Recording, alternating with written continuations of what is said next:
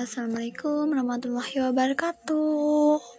Ketemu lagi bersama saya Syifa Akmalia Di podcast me.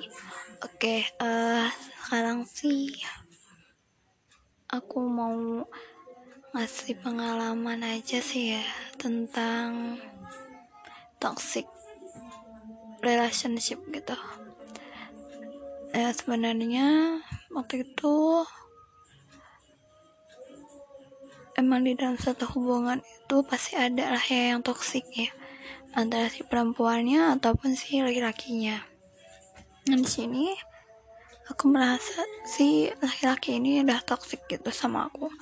Uh, toksik itu jadi kayak ya kamu tuh dipaksa-paksa gitu lah dipaksa untuk melakukan hal yang gak kamu suka gitu yang bukan kamu banget lah gitu. Misalnya di sini kamu harus pakaian seperti ini. Gitu dan aku pernah di posisi itu. Dan dan dia juga gak ada waktu lah gitu kan. Dan di situ aku merasa aku udah toxic gitu. Jadi aku memudahkan hubungan ini gitu